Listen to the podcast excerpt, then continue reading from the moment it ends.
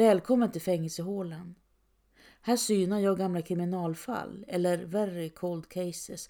Och även om jag dramatiserar en aning försöker jag hålla mig så nära sanningen som möjligt. Brotten som jag tar upp är både kända och okända och spänner över det mesta från fylleri till mord. Dagens avsnitt handlar om konsekvenserna av vad som kan hända när samhället står utan skyddsnät.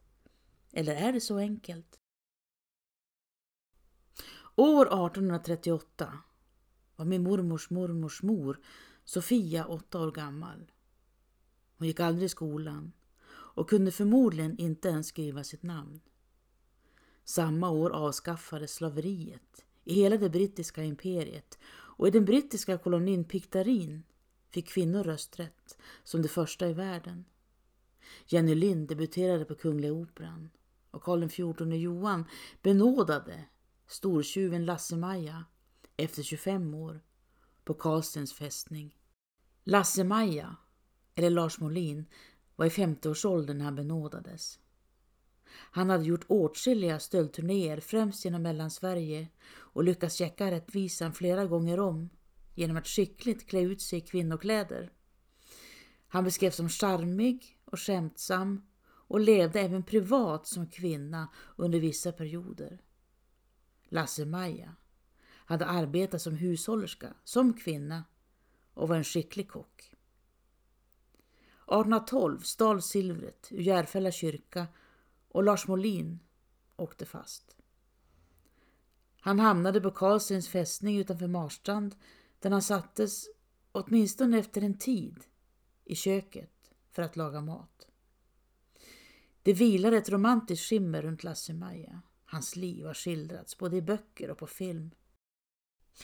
Men det fanns andra tjuvar också. Britta Degner till exempel. Natten mellan den 19 och 20 april 1838 smög någon upp på loftet hemma hos torparen Olaus Johansson i Påvelund utanför Göteborg och bar med sig allt som armarna förmådde lyfta. Gårdens folk märkte ingenting. och Laus Johansson, hans hustru och barn sov lugnt. Först dagen efter upptäcktes stölden 13 alnar vadmal, 34 garnhärvor, ett kalvskinn, rågmjöl och tre lintyg saknades.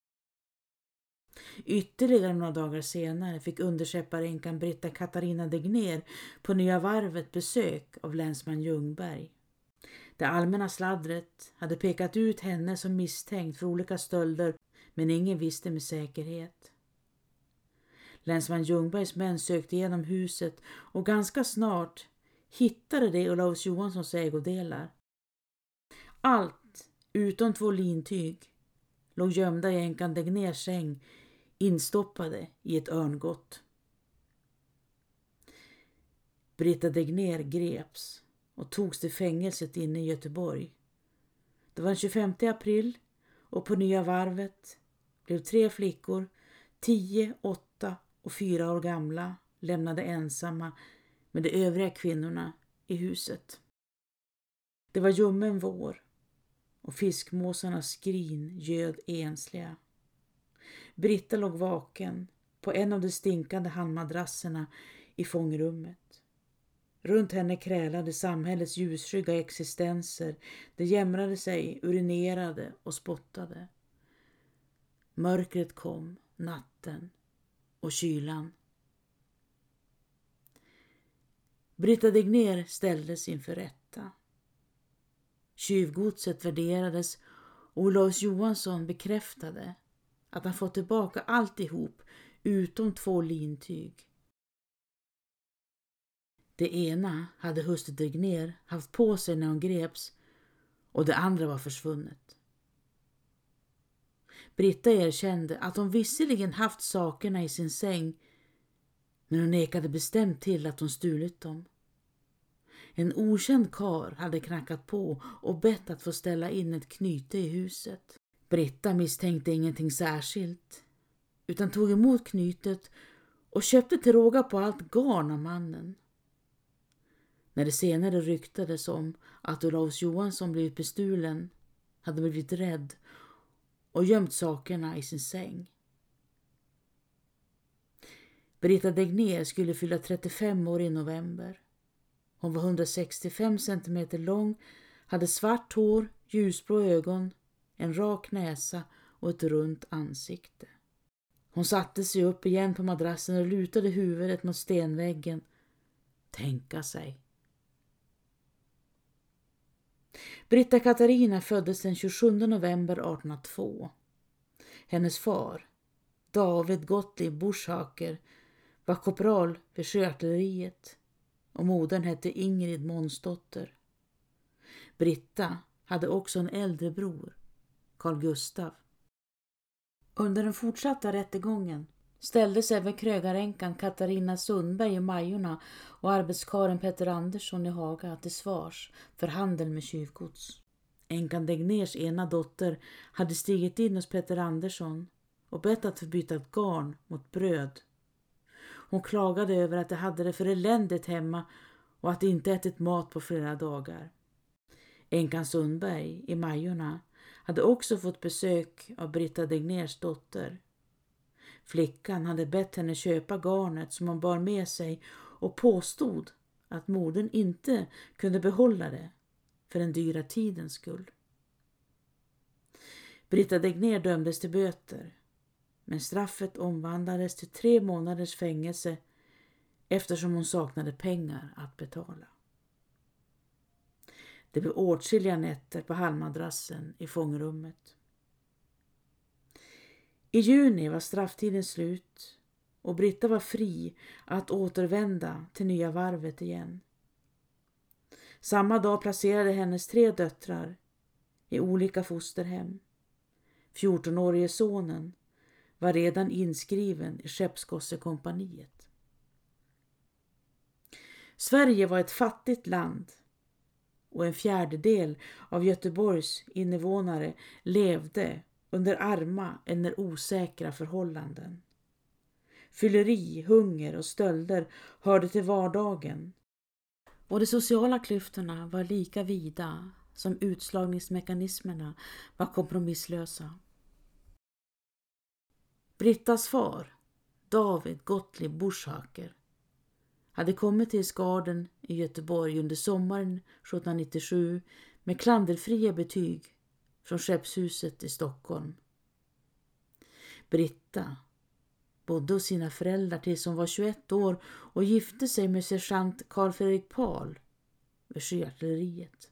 Carl Fredrik Pahl var uppvuxen på fästningen Sveaborg i södra Finland. Några veckor efter vixen försvann han och när sonen Johan Oskar föddes i slutet av mars 1824 var äktenskapet redan över. Vittnen berättade att Carl Fredrik Pahl plockat ihop sina kläder och rest utan att ta avsked. 1814 hade han tilldelats silvermedalj för tapperhet ute till sjöss.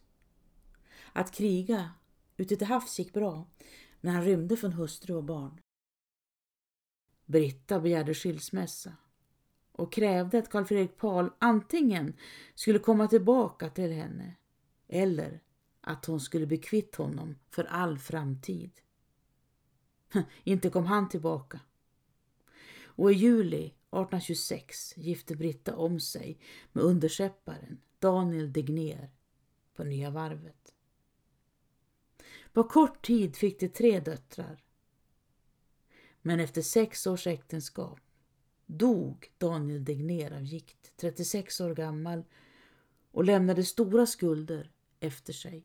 Det var skyldiga handlare Zetterblad, 42 riksdaler, mer än allt det ägde och det var skyldiga handlare Betsén för hyran. Brita Degner skrevs in i fattigvården. Hon och döttrarna fick varsin matranson och flyttade in i ett hus på Nya varvet där det redan bodde tre änkor tillsammans med sina barn. Brittas föräldrar var döda och hennes bror, artilleristen Carl Gustaf Buschhaker, satt också i fängelse, dömd för stöld. När Britta kom ut igen fanns hennes tre döttrar i olika fosterhem. En var placerad i Rennelanda, en annan i Solberga och den tredje fanns på ett torp en bit utanför Kungälv. I mitten av augusti gick Britta norrut för att hälsa på en av döttrarna. Hon som fanns på ett torp utanför Kungälv hos torparen Anders Olsson och hans hustru Elin Hansdotter i Torsby.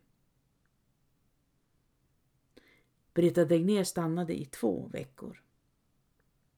Besöket var lyckat. Hon fick god kontakt med sin dotters fostermor Elin Hansdotter. Men på eftermiddagen den 27 augusti började Britta gå hemåt igen. Samma natt drog någon ut en fastspikad tvärruta ur Anders Olssons kammarfönster och plockade åt sig två rockar som hängde på väggen innanför. En mansrock och en kvinnorock.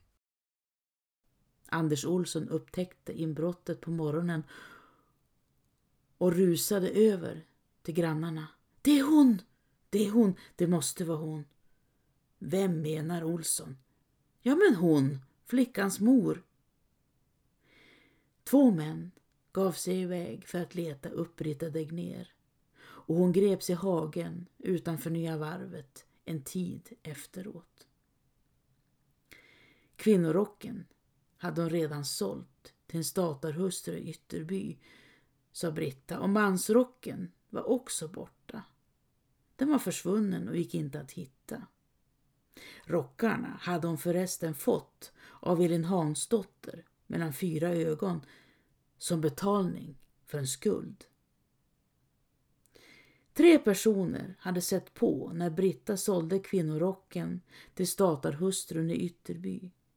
Torparen Olof Håkansson och pigorna Lotta och Johanna. Strax efteråt fick Olof Håkansson syn på Brita Degner som stod och påtade i jorden. Vad gör hon?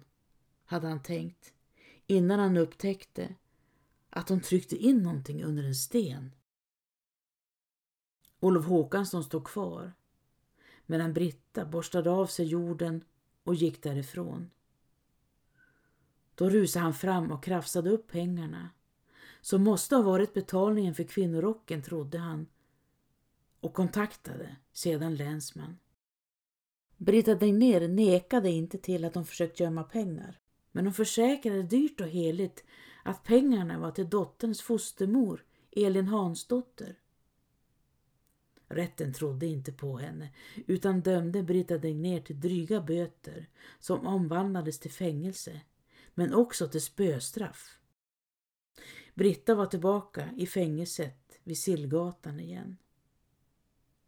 Fångrummen var trånga och smutsiga. Mördare och stortjuvar hölls åtskilda från fylleristerna och småtjuvarna, om det var möjligt, men sjuka och friska fångar låstes in tillsammans. Britta Degner överklagade risstraffet och fick rätt. Hon påpekade att prygeln riskerade att göra hennes kropp ur stånd att arbeta ärligt i framtiden. I fängelset på Sillgatan mötte hon sin bror igen, Carl Gustaf Burshaker, som återigen arresterats för snatteri. Hur då? Ja, det var så urbota dumt. Under Larsmäss marknad hade Carl Gustaf Burshaker passerat en bonde som sålde tyger och dukar vid ett stånd i närheten av rådhuset. I farten hade han grabbat tag i ett rutigt bomullstyg och sedan lagt benen på ryggen. Så dumt. Ja, så urbota dumt. Efter fängelsestraffet tänkte Britta gå söderut mot Kungsbacka och Halland. Sa hon i alla fall. Men knappt ett år senare arresterades hon på nytt. Den här gången greps hon i handlare Peter Örnoms handelsbod vid Lilla torget inne i Göteborg. Britta hade stigit in i boden vid tio tiden på förmiddagen och bett om ett enskilt samtal. Först nekade handlaren henne men när hon insisterade och påstod att hon hade någonting alldeles extra att visa upp tog Peter Örnum motvilligt med sig henne till ett avskilt rum. Britta Degnér rotade och rafsade med sina bylten och handlare Örnum skulle just köra ut henne när hon smackade lustfyllt och drog fram en sked. Hon vände och vred på den. Har han sett någonting så grant? Den är efter en släkting i Stockholm, fortsatte hon. Titta bara på den. Så vad ger han för den? Frågade Britta ner i nästa stund. En riksdaler Minst. Han hade Örnum satt tyst och betraktade henne. Att Britta Degner skulle bära omkring på en silversked som hon ärvt efter släktingar i Stockholm bedömde nog handlare Petter Örnum som en ren lögn. Men det behövde inte ha varit så. Brittas far, David Gottlieb Buschhager, kom från Stockholm och maken, Daniel Degner, var son till en känd murarmästare i Stockholm, Johan Daniel Degner, som avlidit redan 1796. Eller, skeden är egentligen från Kungälv, fortsätter Brita Degner när hon uppfattar handlade Örnums tvekan. Men vad säger han? En riksdaler lodet är en väl värd. Minst. Peter Örnum satt som tidigare och tittade på henne och till slut skrek Britta åt honom.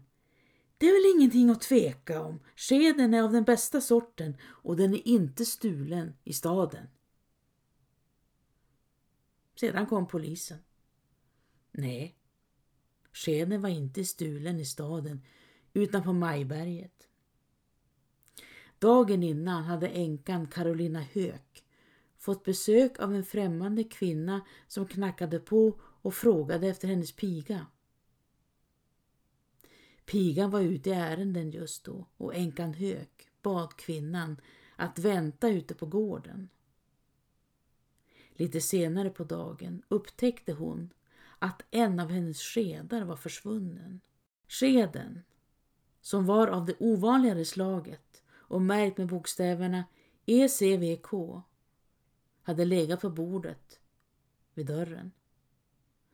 Carolina Hög frågade sin piga men hon blev mer och mer förbryllad.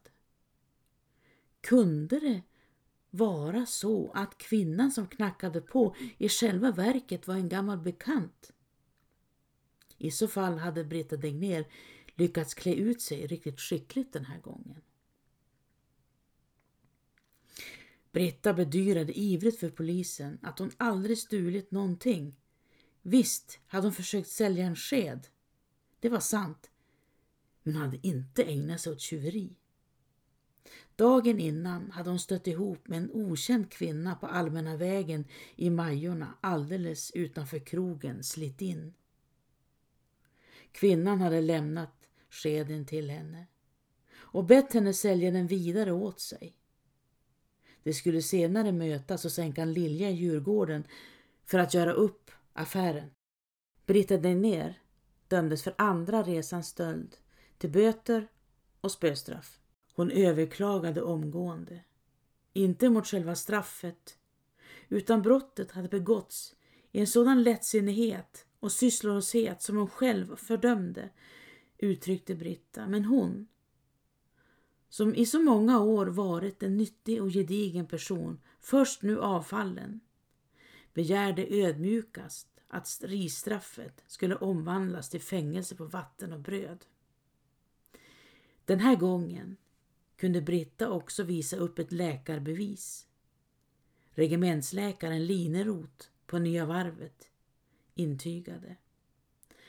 Att häktade änkan Britta Katarina Degner som i flera år varit besvärad av tidvis påkomna blodhostningar efter all sannolikhet icke kan genomgå risstraffet utan fara för återfall av denna sjukdom. Britta Degner led med andra ord av lungsot, som så många andra. Hennes ansökan vann gehör och risningen förvandlades till tolv dagars fängelse på vatten och bröd.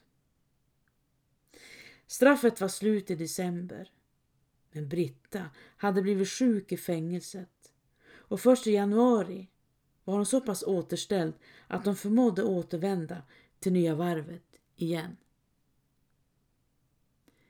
Mitt i kalla januari stod hon ännu en gång som en fri människa utanför fängelset på Sillgatan. Brodern, Carl Gustaf Burshaker, var återigen frihetsberövad, den här gången under en längre tid.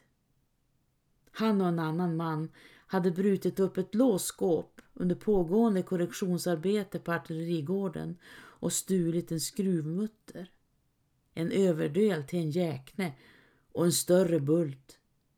Det togs på bar gärning när de försökte sälja sakerna vidare. Några veckor senare, under morgontimmarna den 10 februari, greps Britta Degner i Reberslid. Hon gick ensam efter vägen med ett stort knyte i handen och det räckte för att göra polisman Andersson så pass misstänksam att han tog med henne in på förhör.